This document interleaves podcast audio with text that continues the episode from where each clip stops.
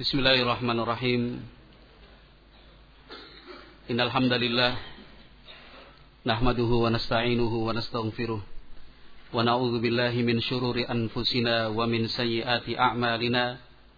Man yahdihillahu fala mudilla lahu wa man yudlil fala.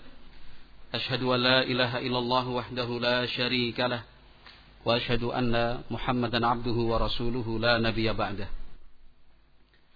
يقول الله عز وجل في القرآن الكريم يا أيها الذين آمنوا اتقوا الله حق تقاته ولا تموتن إلا وأنتم مسلمون فإن أصدق الحديث كتاب الله وخير الهدى هدى نبينا محمد صلى الله عليه وعلى آله وسلم وشر الأمور محدثاتها فإن كل محدثة بدعة وكل بدعة ضلالة وكل ضلالة في النار.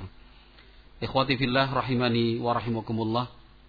Ayat-ayat Al-Quran yang hampir setiap hari dibaca insya Allah bukanlah sekedar bacaan biasa karena Al-Quran adalah kalamullah firman Allah subhanahu wa ta'ala. Tiap-tiap ayat yang kita baca ada kandungan makna. Bukan hanya untuk difahami tetapi juga mengandung ahkam. Hukum-hukum yang dengannya kita bisa beribadah kepada Allah Subhanahu wa taala sebagaimana mestinya. Surat-surat pendek yang disebutkan di dalam Al-Qur'an terkhusus pada juz yang terakhir, juz yang ke-30. Kalaupun difahami dengan benar surat-surat pendek tersebut kiranya sudah cukup sebagai nasihat Jangankan satu surat eh, Jangankan beberapa surat pendek Satu surat saja. Al-Imam Syafi'i rahimahullahu ta'ala Sebagaimana yang sering kita dengar dan kita kaji bersama Beliau menjelaskan tentang keutamaan surat Wal asri innal insana lafi khusrin Ila akhir as-surah.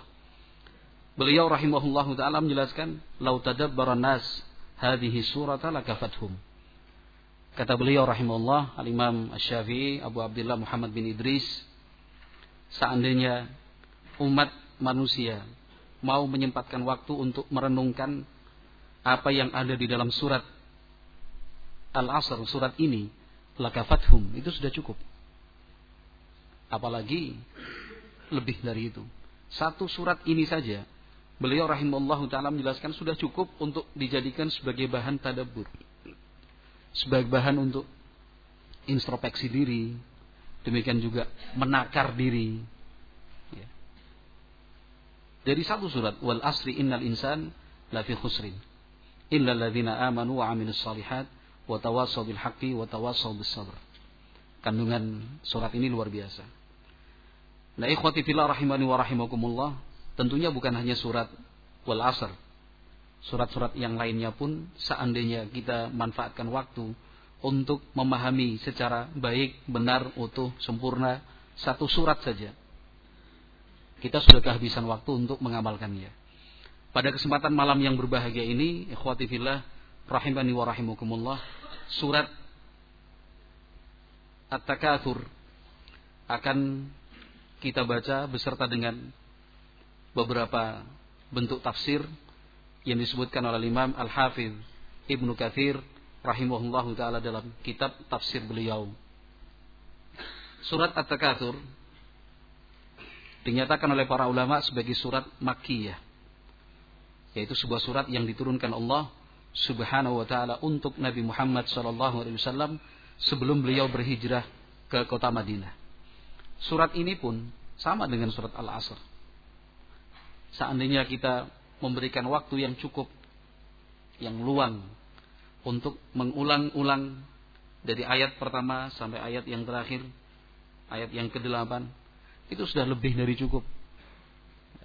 Sebuah penghakiman, muhasabah pada diri sendiri. Kita memposisikan diri sebagai seorang terdakwa dan kita jadikan ayat-ayat ini sebagai penentu apa yang patut untuk ditetapkan sebagai sebuah hukum bagi kita. Ikhwati fillah rahimani wa rahimakumullah. Allah Subhanahu wa taala berfirman di dalam surat ini Alhaakumut takatsur. hatta zurtumul maqabir. Kalla sawfa ta'lamun, thumma kalla sawfa ta'lamun. Kalla law ta'lamuna ilmal yaqin latarawunnal jahim. Thumma latarawunnaha 'ainal yaqin, thumma latus'alunna yawma idzin 'anil na'im. Ayat-ayat ini, ikhwati fillah rahimani wa rahimakumullah, dimulai dengan ayat yang pertama alhaakumut takatsur merupakan khabar ya, berita dan pemberitahuan dari Allah Subhanahu wa taala tentang kita. Karena yang menghabarkan tentang kita adalah zat yang menciptakan kita. Yang menjelaskan tentang manusia adalah zat yang menciptakannya. Tentunya dialah yang paling mengetahui tentang manusia itu sendiri. Sehingga kita tidak memiliki sekecil alasan apa pun untuk menolak kebenaran ini. Tidak bisa diingkari. Tidak bisa diingkari karena memang kenyataannya seperti itu. Dan tidak bisa di antara kita kemudian mengatakan, oh kalau saya tidak, tidak mungkin. Karena yang memberitakannya adalah zat yang menciptakan manusia itu sendiri. Allah Subhanahu wa taala berfirman, "Alhaakumut takatsur." Al-Hafidz Ibnu Katsir rahimahullahu taala beliau menerangkan ayat ini dengan menyatakan yaqulu ta'ala ashghalakum hubbud dunya wa na'imuha wa zahratuha an talabil akhirati wa ibtighaiha. Saya ulangi kembali yang menjelaskan tentang kita itu bukan siapa-siapa. Yang, yang menjelaskannya adalah zat yang menciptakan kita. Yang maha mengetahui tentang kita. Lebih berkali-kali lipat tentang pengetahuan kita pada diri kita sendiri. Nah. Wa fi anfusikum afala tubsirun. Allah jelaskan begitu dalam ayat yang lain. Wa fi anfusikum. Demikian juga lihat pada dirimu sendiri. Afala tubsirun. Lalu kenapa engkau tidak mau melihat, merenungkan dan berpikir? Artinya pada diri kita sendiri sudah ada tanda-tanda kebesaran Allah Jalla wa'ala yang seharusnya itu mendorong seorang hamba tunduk taat patuh kepada Allah Jalla wa'ala. Tapi karena kita seringnya lupa, Allah ingatkan melalui ayat-ayat ini. Kita belum begitu faham tentang diri sendiri. Tidak begitu menguasai tentang dirinya sendiri. Apa yang dia kuasai dan apa yang dia ketahui tentang dirinya sendiri. Seandainya dia diminta untuk menjelaskan proses apa e, anatomi tubuhnya, ya. mulai dari alat-alat pernafasannya, belum tentu kita bisa menjelaskan. Coba jelaskan kenapa manusia bisa bernafas, bisa menghirup oksigen, kemudian diproses mengeluarkan CO2-nya. Belum tentu kita bisa menjelaskan. Apa juga prosesnya? Seandainya pun kita bisa menjelaskan itu hanya secara global aja, rincinya nggak tahu.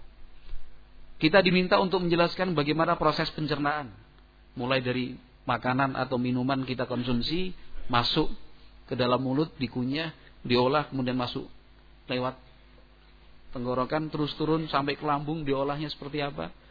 Kemudian dari makanan yang kita konsumsi, minuman yang kita konsumsi, ya, diolah, dipisah, dipilah.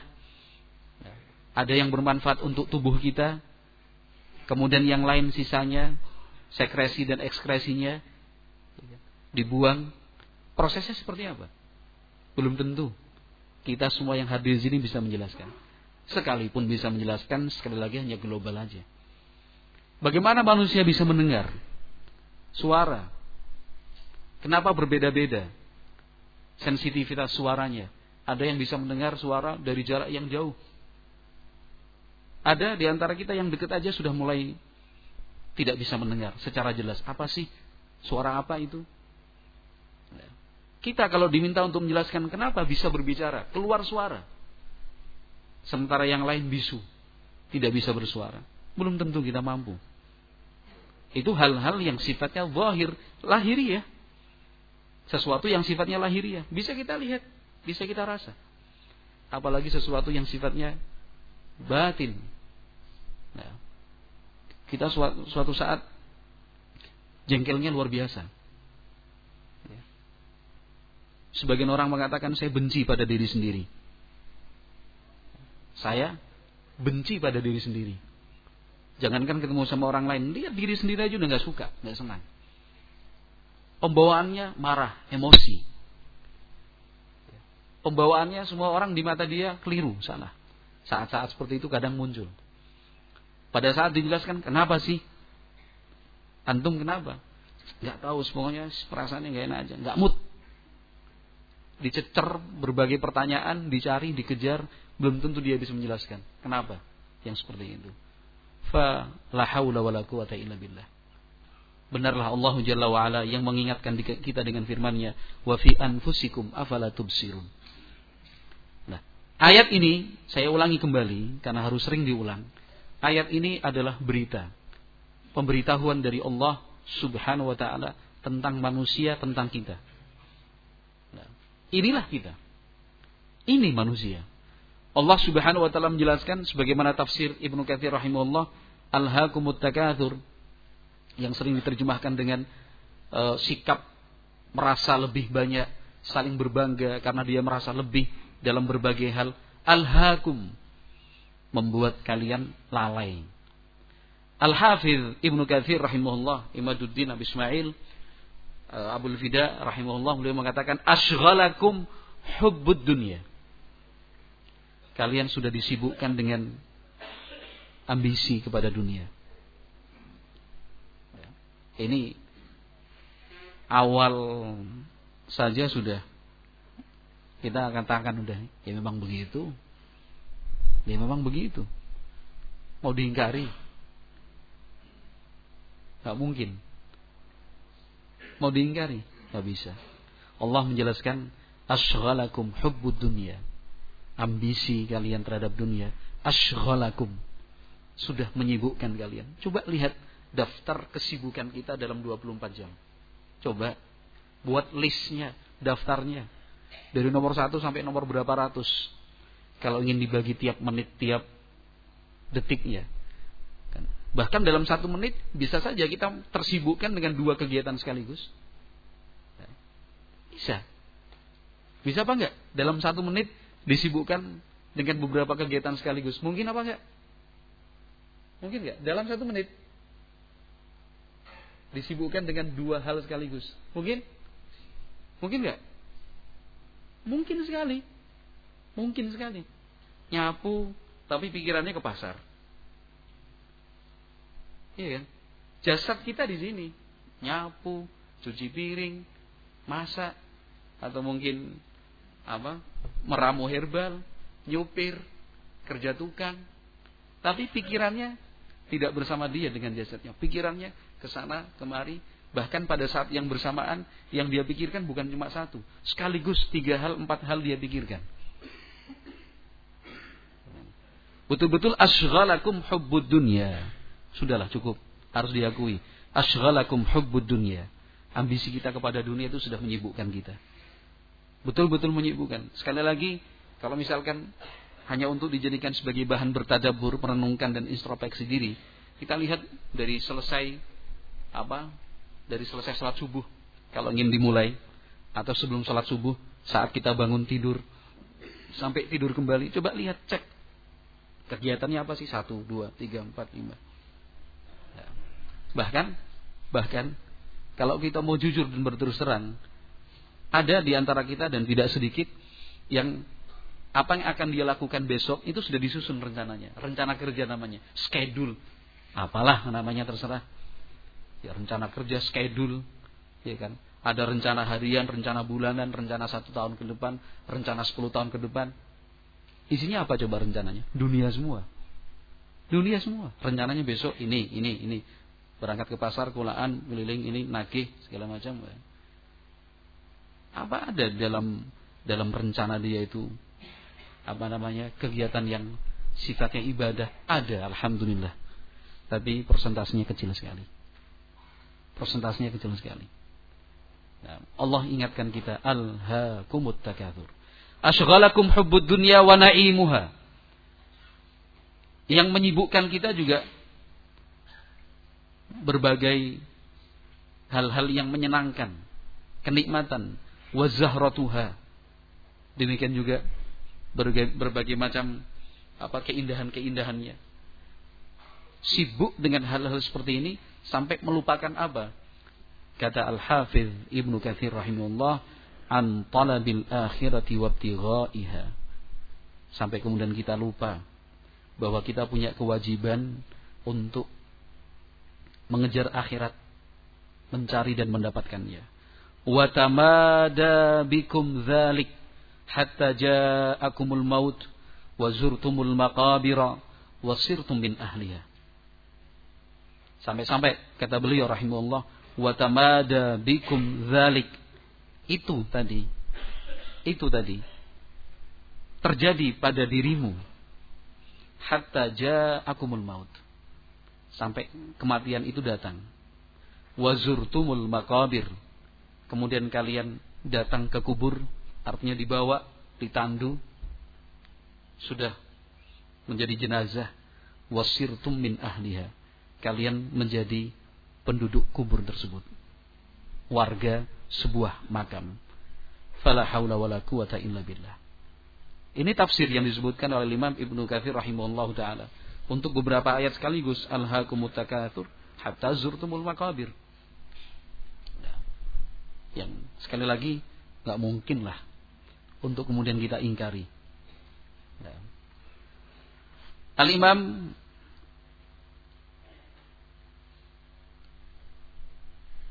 Ahmad rahimahullah meriwayatkan dari Mutarrif ibnu Abdullah ibnu Syikhir dari ayahnya yaitu Abdullah ibnu Syikhir radhiyallahu taala anhu. Beliau bercerita, "Intahaitu ila Rasulillah sallallahu alaihi wasallam wa huwa yaqul alhaakumut takatsur." Sahabat Abdullah ibnu Syikhir radhiyallahu anhu beliau bercerita, "Intahaitu ila Rasulillah." Saya pernah berkunjung untuk menemui Rasulullah sallallahu alaihi wasallam wa huwa yaqul alhaakumut takatsur. Saat saya berjumpa dengan Nabi sallallahu alaihi wasallam, ketika itu Rasulullah sallallahu alaihi wasallam sedang membaca ayat ini, alhaakumut takatsur. At-takatsur itu merasa lebih. Merasa lebih. Dalam hal apa? Dalam hal apa pun. Bukan cuma urusan dunia. Urusan akhirat pun masuk dalam pengertian ayat ini. Nah, masuk dalam pengertian ayat ini. Bahkan Al-Imam Ibnu Qayyim Al-Jauziyah rahimahullahu taala memberikan contoh ketika seorang penulis ketika seorang penulis ya, menulis kitab, karya tulis. Nah, hal-hal seperti ini pun masuk menggoda. Merasa sudah banyak yang dia tulis. Ya, merasa sudah banyak yang dia tulis. Wah, tiga judul, empat judul, tujuh judul. Nah, dalam satu hari bisa menyelesaikan tulisan 5 sampai 10 halaman. Orang lain mungkin satu minggu setengah halaman aja nggak jadi. Barangkali pemula atau moodnya nggak pas, nggak nulis baru sampai satu halaman, orang-orang buang. Kalau misalkan nulisnya di komputer atau laptop nulis, as, kontrol A, hitam semua, delete, hilang. Tutup laptopnya, pergi. Nah, tapi dia merasa bahwa dalam satu hari produksi tulisannya luar biasa, luar biasa. Penulis produktif lah. Penulis produktif sehari lima halaman, 10 halaman, bahkan 20 halaman. Dalam satu bulan bisa mengeluarkan tulisan sekian sekian sekian sekian. Nah, itu Ibnu Qayyim Al-Jauziyah memberikan salah satu contohnya ini. Jadi bukan cuma merasa lebih banyak dalam hal harta. Oh saya lebih sugih ya, lebih kaya. Penghasilan saya lebih banyak. Atau mungkin dalam hal fisik, saya lebih tinggi, lebih gagah, lebih sempurna fisiknya. Hidung saya lebih mancung. Kan itu. Bibir saya lebih tipis, gigi saya lebih rapi, kulit saya lebih terang. Masuk. Nah. Dalam hal anak, cucu juga seperti itu. Anak saya sebelas. Bukan sekedar bercerita. Tetapi at-takathur. Ada apa warna di dalam hatinya saat dia bercerita seperti itu merasa lebih dari yang lain. Apalagi semakin berparah kalau dia yahkirun nas. Dia merasa yang lain ada di bawahnya. Anaknya banyak, Uangnya banyak, tanahnya banyak. Nah, ini yang harus dihindari. Barakallahu fikum. Kenapa? Karena at-takatsur ini, takatsur seperti ini, itu menjadi penyebab munculnya ujub dan takabur. Nah, ujub dan takabur. Kalau ini sudah muncul ujub dan takaburnya, fala haula wala quwata illa billah, qamat al-qiyamat sughra. Sudah habis. Ujub takaburnya tadi mendorong dia sudah tidak peduli lagi dengan aturan-aturan agama. Segala sesuatu dia pikir bisa dengan uang. Segala sesuatu bisa dia pikir dengan kekuatan fisik, dengan banyaknya pendukung. Akhirnya yang benar dia tutupi, yang salah dia bela. Berpikir kalau segala sesuatu itu bisa diatur, diselesaikan dengan uang. Karena kenapa? At-takazur tadi merasa lebih dari yang lain. Udah saya kasih duit sekian. Nah, dirubah, diganti. Merasa uangnya banyak. Akhirnya apa? Berbohong pun dilakukan. Berdusta bukan satu hal yang sulit baginya. Kenapa? Segala sesuatu merasanya bisa diatur dengan uang. Dan itu terjadi di kalangan ahlu dunia. Di kalangan ahlu dunia. Terjadi Barakallahu fiikum. Ya. Sampai kemudian muncul apa? Pamayo-pamayo maksudnya istilah-istilah yang akrab lah di telinga kita. Yang penting ana duite kan itu. Bil fulus kullu tembus. Ya kan? Itu itu kan bukan cuma bahasa lelucon bukan kan? Tapi bahasa yang muncul menggambarkan kenyataannya seperti apa. Kan itu pelanggaran dilakukan, orang yang melanggar nggak takut, khawatir, nggak khawatir. Kenapa? Halah kayak duitnya rampung. Kan itu. Uang tutup mulut. Mau diganti uang tutup mulut, diganti dengan uang rokok, uang bensin, kan itu. Uang makan siang, uang sarapan, uang burjo, kan itu. Ada lagi uang apa namanya? Wedang ronde. Ya, macam-macam istilah bebas orang buat. Tapi intinya satu, yang mendorong dia melakukan seperti itu apa? Kenapa? Karena dia merasa lebih. Nah, dia merasa lebih. Dan sekali lagi yang seperti ini penyakit. Maka Allah ingatkan kita melalui surat-surat pendek ini yang hampir semua kita hafal. Nah, sahabat Abdullah bin Syikhir radhiyallahu anhu bercerita, "Intahaitu ila Rasulullah sallallahu alaihi wasallam wa huwa yaqul." Waktu itu saya berkunjung bertemu dengan Nabi sallallahu alaihi wasallam. Nabi Muhammad alaihi salatu wasallam saat itu sedang membaca ayat ini Al-Hakumut Takatsur. Rasulullah sallallahu alaihi wasallam menjelaskan menjelaskan bersabda waktu itu, Yaqulu ibnu Adam mali mali. Manusia itu dengan bangga, sombong, dia mengatakan hartaku, hartaku. Hartaku, hartaku. Mobilku, rumahku, usahaku. Tahun ini naik. Kemarin satu juta, misalkan. Sekarang naik berapa ratus persen, jadi 10 juta. Tanahku kan dibangga-banggakan. Punya tanah di sini, punya tanah di sana. Keluargaku, itu udah. Bolo itu kalau sudah urusan supporter, wah udah. Boloku, merasa banyak yang mendukung. La haula wala quwata illa billah. Dia apa sombong, berbangga dengan apa yang dia punya tadi. Kemudian kata Nabi Muhammad alaihi salatu wassalam, "Wa hal laka min malika illa ma akalta fa afnaita aw labista fa ablaita aw tasaddaqta fa amdaita." Di dalam hadis ini disebutkan wahallaka min malik eh manusia eh anak Adam. Hal min malik. Kamu itu tidak punya harta. Illa ma akalta. Kecuali yang sudah engkau makan. Fa'afnaita. Habis. Itu hartamu. Au labista fa'ablaita. Atau pakaian yang engkau gunakan sampai rusak. Tidak layak pakai lagi. Itu hartamu. Au tasaddaqta fa'amdaita. Atau yang sudah engkau sedekahkan. lillah untuk Allah Subhanahu wa taala. Itu hartamu.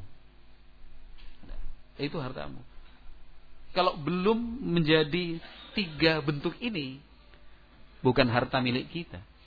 Karena bisa saja hilang, bisa saja rusak, bisa saja dicuri orang, bisa saja terbakar, bisa saja terbawa banjir, bisa saja kita kelupaan, bisa saja kita kemudian berikan untuk orang lain. Ujung-ujungnya kalau ini semua tidak terjadi, pada saat meninggal dunia turun menjadi harta waris. Selesai. Apa yang dia bawa? Nah, nggak ada yang dia bawa, hanya kain kafan, kain kafan berapa lapis yang membungkus jenazahnya. Itu saja. Yang lain nggak mungkin dibawa. Bahkan haram hukumnya dalam agama kita. Kalau kemudian orang meninggal dunia, walaupun yang meninggal dunia itu berwasiat, tolong misalkan. Nanti kalau saya meninggal dunia, jam tangan kesayanganku itu ikut dikuburkan bersama dengan saya. Wasiat seperti ini boleh dilaksanakan? Nggak boleh. Nggak boleh. Jam tangan kesenangan saya. Kenapa?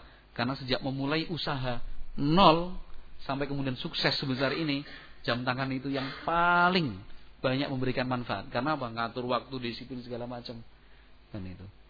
Jamnya nggak gonta-ganti, baterainya aja yang gonta-ganti. Jadi sampai bapak kita misalkan pesan le, misalnya aku mati, jam tangan ini kudu dikubur ke bareng aku. Wasiat loh gile. Boleh nggak dilaksanakan? Nggak boleh. Kenapa? Itu mubazir. Jam tangan ini tetap punya nilai. Tetap punya nilai.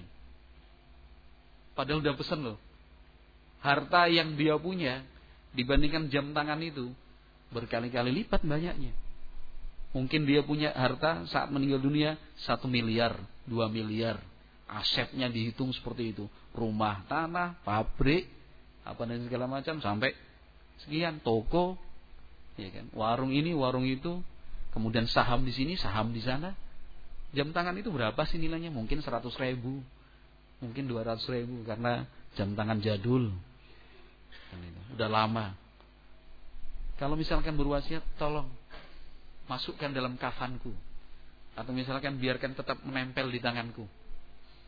Dilaksanakan wasiatnya? Gimana Abu Afif? Wasiat loh. Ya enggak setiap wasiat harus dilaksanakan. Iya kan? Subhanallah. Ternyata harta yang dikumpulkan sekian waktu capek lelah. Enggak ada yang bisa dibawa barang semurah itu aja nggak boleh dibawa. Yang di statusnya harta manusia itu hanya satu. Halaka min malik illa ma akalta fa'afnait. Yang udah kita makan. Yaitu baru statusnya milik kita. Aula bista fa'ablait. Pakaian yang kita gunakan. Pakaian yang mulai dari sandal, sepatu, kopiah, surban, sarung, celana, kaos. Ya, itu pakaian semua. Dipakai Misalkan sandal sampai bolong-bolong, dah. Alhamdulillah, ini harta yang sesungguhnya. Ya? Pakai baju sampai robek-robek, kan itu. Kalau udah nggak pantas ya jangan dipakai. Ya, jangan dipakai. Nah, apalagi kalau di depan umum, di depan orang banyak. Takutnya orang mengira, oh salafi itu yang bolong-bolong bajunya. Kan, kenal salafi ora kenal. Tonggoku yo salafi. Salafi ki piye to? Sing sandal iki ini wis bolong tetep digo agak salafi. Hati-hati, jangan. Harus dikenal salafi itu apa? Sing rapi, yang wangi. Sing nek ketemu sing wangi, rapi, salafi. Lah kek tanggoku nggo jubah, main kemproh tablik nek ae. Ya. Makanya kan dalam program tebar majalah itu kan sangat sangat sangat ditekankan sekali oleh asatidah, iya kan? sangat-sangat ditekankan sekali dalam program tebar majalah yang memang mendapatkan apa nikmat bukan dipilih loh mendapatkan nikmat menjadi apa namanya diminta untuk menjadi calon calon perantara pintu-pintu kebaikan tadi itu kan ketika membawa majalah petugas kita itu kan sangat-sangat ditekankan oleh asatidah untuk rapi wangi jangan pakai sandal jepit ya kan jangan sampai balapan ya kan jubah sarung celana kan itu kemudian apa namanya pakai jubah tapi kerahnya balapan juga. Karena kaos dalamnya itu yang pakai kerah. Jadi kerahnya loro, Mas. Iya kan? Itu nggak Pak Imam? Betul kan? Kan begitu, sangat sangat sangat ditekankan oleh asatidah kita kan begitu. Penampilan. Kan itu. Apalagi datang sampai ke kantor-kantor pemerintah, bertemu langsung dengan para pejabat struktur di situ. Sampai setingkat desa pun. Bahkan ada secara khusus yang rambutnya gondrong nggak boleh nggak boleh menjadi petugas. Kalau mau jadi petugas, cari-cari pahala sebagai apa namanya mansana sunatan apa namanya Islam, ya kan? Dan seterusnya ingin dapat pahala seperti itu, ya rambutnya harus dirapikan. Kopiah juga jangan yang letak lah. Kan itu udah muncul apa item-itemnya itu apa namanya? Hah? Ya kotoran semut itu ya jangan dilihat kan itu. Punya saya juga kotor ini. Waduh. Kena asap ini. Bertemu dengan pejabat kan gitu, jangan sampai pas pejabatnya masuk. Gimana Pak ya? Ternyata kita bau. Ternyata kita bau, jangan.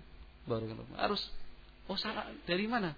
Ini dari ya, sebutkan pondok, yayasan atau mungkin apa namanya majelis taklim ya sesuai dengan kebijakan di daerah masing-masing berdasarkan arahan dari asatidahnya atas nama siapa ketika menyerahkan majalah tersebut. Ketika hadir, oh iya, salafi ya. Loh, Bapak tahu, rapi sih. Kan itu kan asik ya kan. Kan itu. Jangan masuk salafi. Tablik, Mas. Salafi, Pak. Oh, kemprai.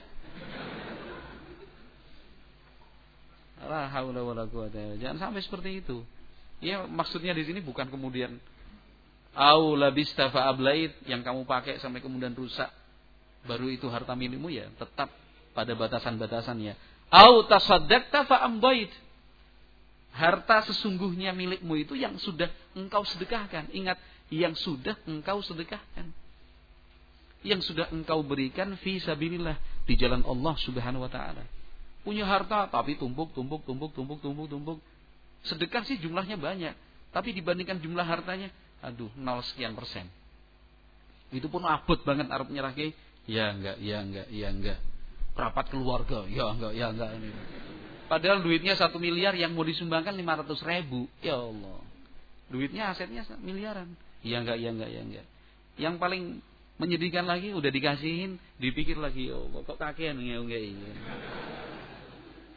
jadi bahan pikiran gitu raiso turu. Waduh kakean lagi Astagfirullahaladzim. Itu sudah harta milik kita itu yang sudah diserahkan. Lillah, fisabilillah, selesai.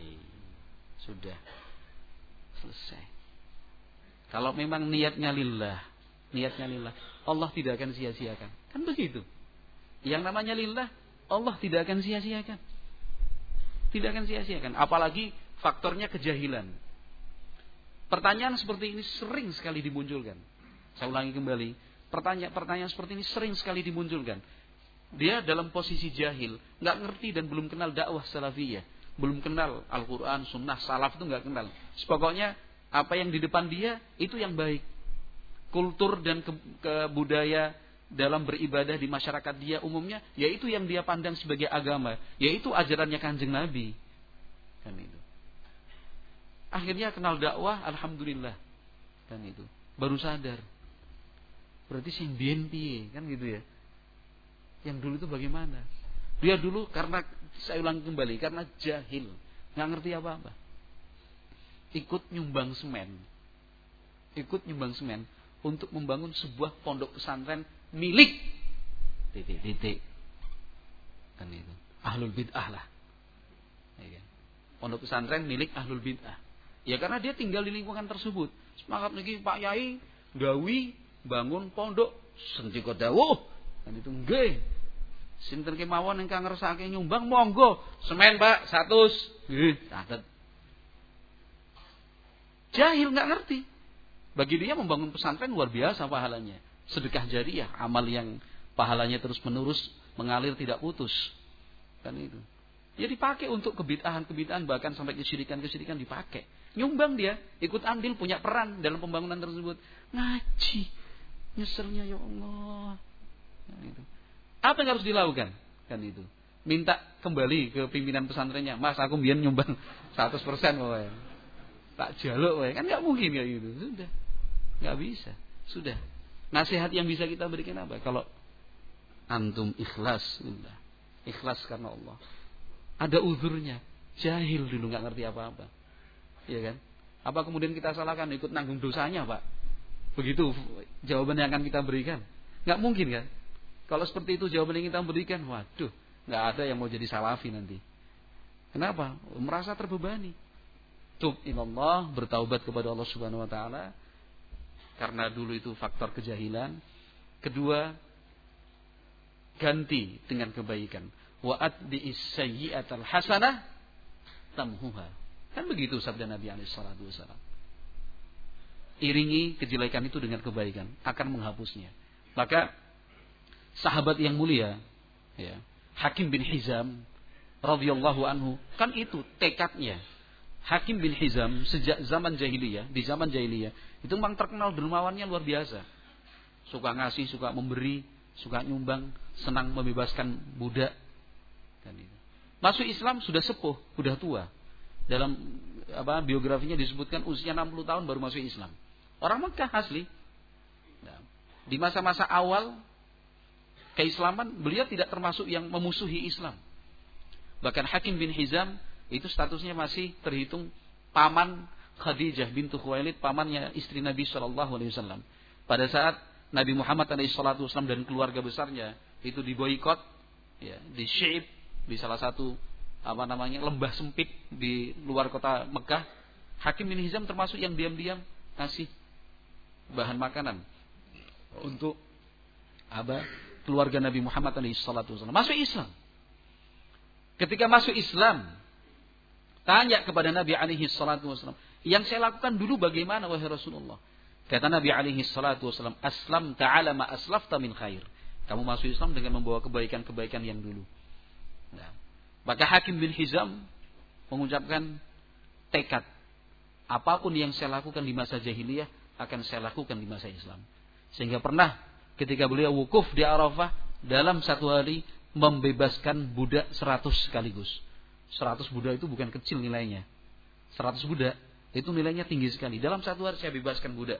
Beliau bebas, saya akan bebaskan budak seratus hari ini. Kenapa? Karena dulu di masa jahiliyah beliau pernah membebaskan budak sebanyak seratus sekaligus juga. Jadi ingat-ingat dulu pernah nyumbang ini, sekarang nyumbang. Dulu pernah berbuat gini, sekarang dan itu. Dulu misalkan apa namanya semangat jadi panitia dangdutan sama campur sari di kampungnya. Iya kan? Semangat. Oh bahkan dia yang ngoprak-ngoprak ngoyak, ayo cah, ayo cah, ayo le, semangat le, ayo, ayo kan gitu. Setelah kenal dakwah, pokoknya kalau urusan daurah paling semangat, ayo, ayo, ayo kan gitu.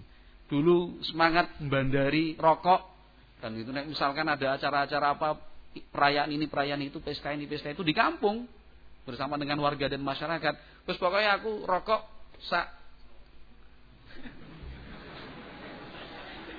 enggak selop itu kan segini kecil sa ini loh sa dos lah ya selop kan kecil kan selop isi berapa nggak apa-apa mas nggak apa nggak kepancing saya tidak punya niat memancing ini cuma memberi gambaran aja satu dos gitu. Oh cah sing rokok aku cah.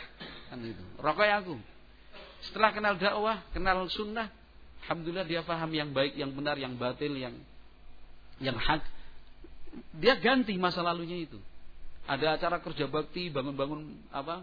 E, misalkan pondok, pondok putri, masjid, jalan yang baik.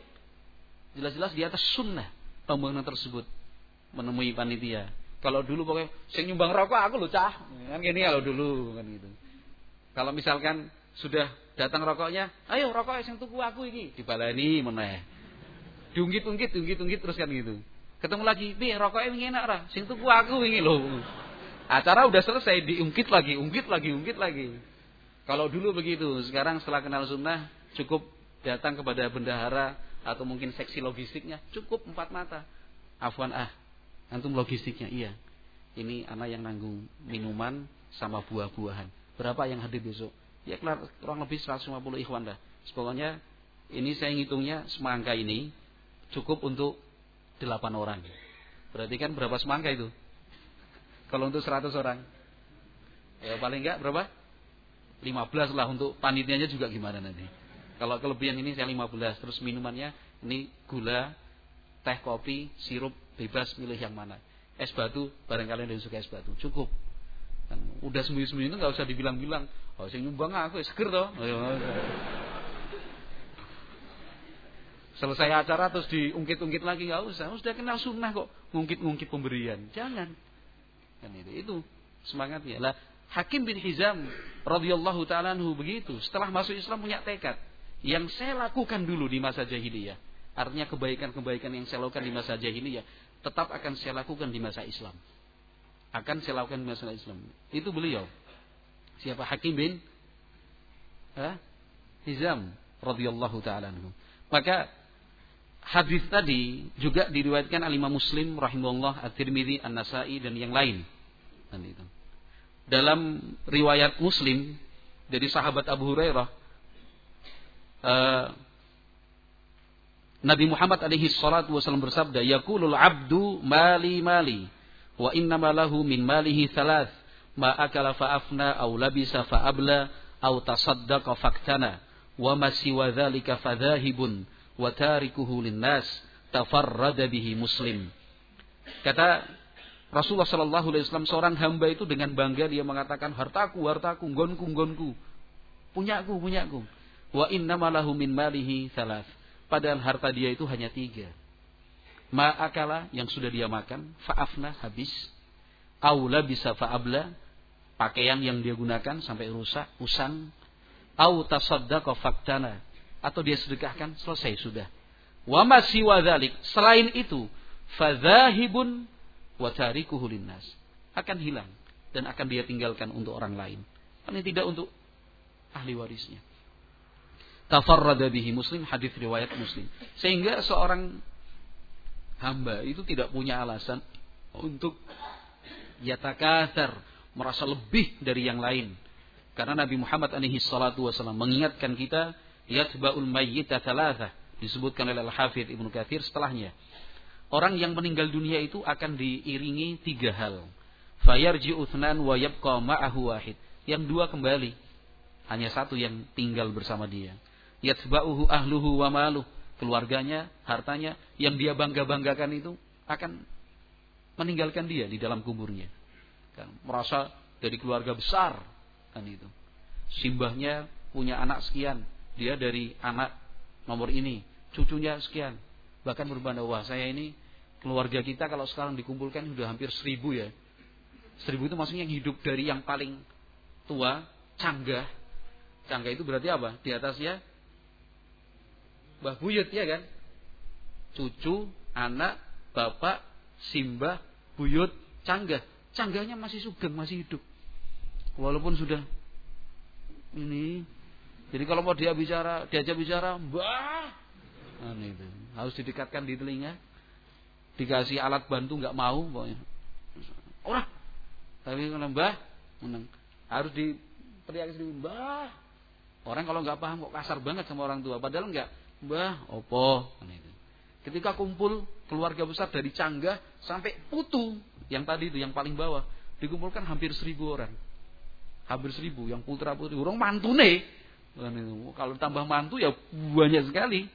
Ya, mantu-mantu, uh bangga sekali. Padahal nanti ketika meninggal dunia nggak ada satupun anak, cucu, apa nih mantu, terus ngancani dia di alam kubur itu ya nggak ada, nggak ada. Padahal seribu loh. Harta juga seperti itu, sebanyak apa pun harta yang dia punya, nggak berpengaruh, nggak bermanfaat. Harta sebanyak apa pun yang dia punya, nggak ada yang kemudian ikut dia menemaninya di alam kubur. Yang bersama dengan dia kata Nabi Ali Shallallahu Wasallam yatba'uhu ahluhu wa maluh. Hartanya keluarganya ikut mengiringi sampai di kuburan tapi pulang. Wa amaluhu. Fayarji'u ahluhu wa maluhu wa yabqa amaluhu wa yabqa amaluhu amal perbuatannya yang akan menemani dia menemani dia di di alam kubur itu. Kan udah cukup lah. Baru satu ayat loh ya.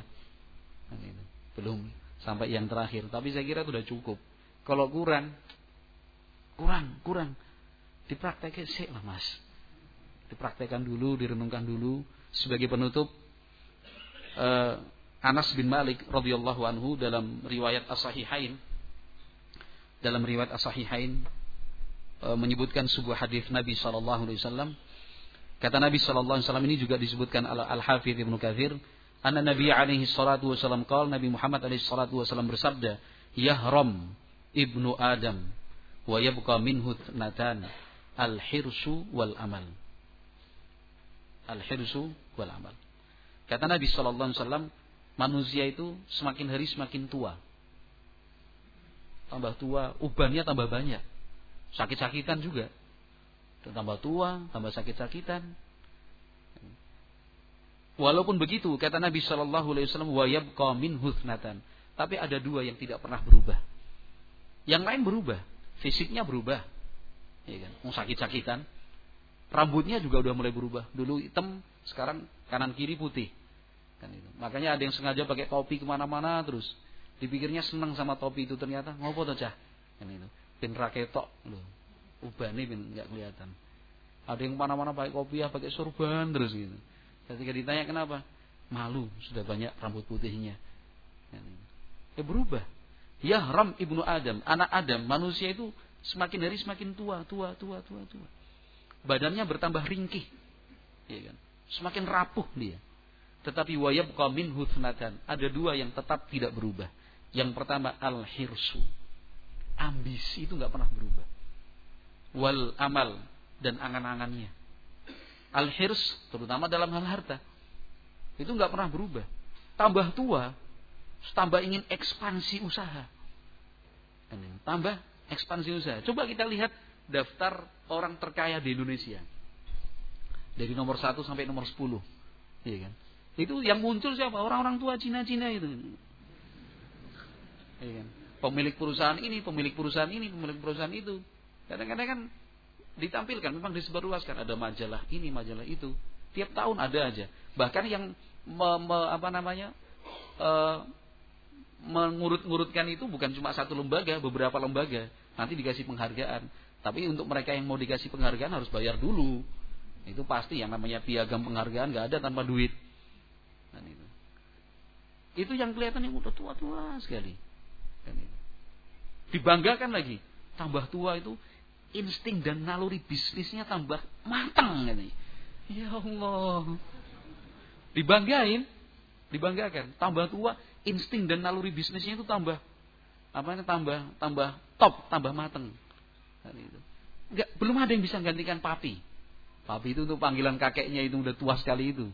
Itu papi itu bisa hafal barang-barang yang pernah dibeli. Punya toko, kan itu udah tua. Ini ada yang datang, kok Cina, kok beli ini habis ya, kan itu. Itu yang papi di belakang masih ada. Anaknya udah lupa, anaknya nggak tahu, papinya yang di belakang masih ada. Entek, masih ada. Itu di sini sini. Hmm. Udah tua masih inget nyimpen barang yang di. Jadi telit kalau kalau kata keluarganya teliti banget Padahal bukan teliti itu, ambisi banget kan itu. Wal amal, al amal itu apa? Angan-angannya, ingin ini, ingin itu, nggak habis-habis. Padahal apa? Yahrom. Yahrom itu ya tambah hari tambah tuh tua. Maka alhaakumut takatsur hatta zurtumul maqabir. Nabi eh, Allah Jalla wa di akhir surat mengingatkan kita semua, "Tsumma latus'alunna yauma idzin 'anil naim." Sungguh-sungguh hari kiamat nanti kalian semua akan diminta pertanggungjawabannya oleh Allah Subhanahu wa taala. Wallahu alam bisawab. Mari ayat-ayat ini kita jadikan sebagai renungan. Kalau renungannya bukan bener apa ora, jelas bener. Cara merenungkannya bukan bener apa ora ya. Betul atau tidak bukan. Ini Allah yang menghabarkan kok. Ketoin aku ora mungkin. Enggak mungkin, Mas. Enggak mungkin kalau ketoin aku ora cah aman nih. Enggak, enggak. Semua kita tanpa terkecuali. Tanpa terkecuali. Cuma nanti yang membedakan apa? Semangat dia untuk apa bersyukur, semangatnya untuk beribadah itu seperti apa?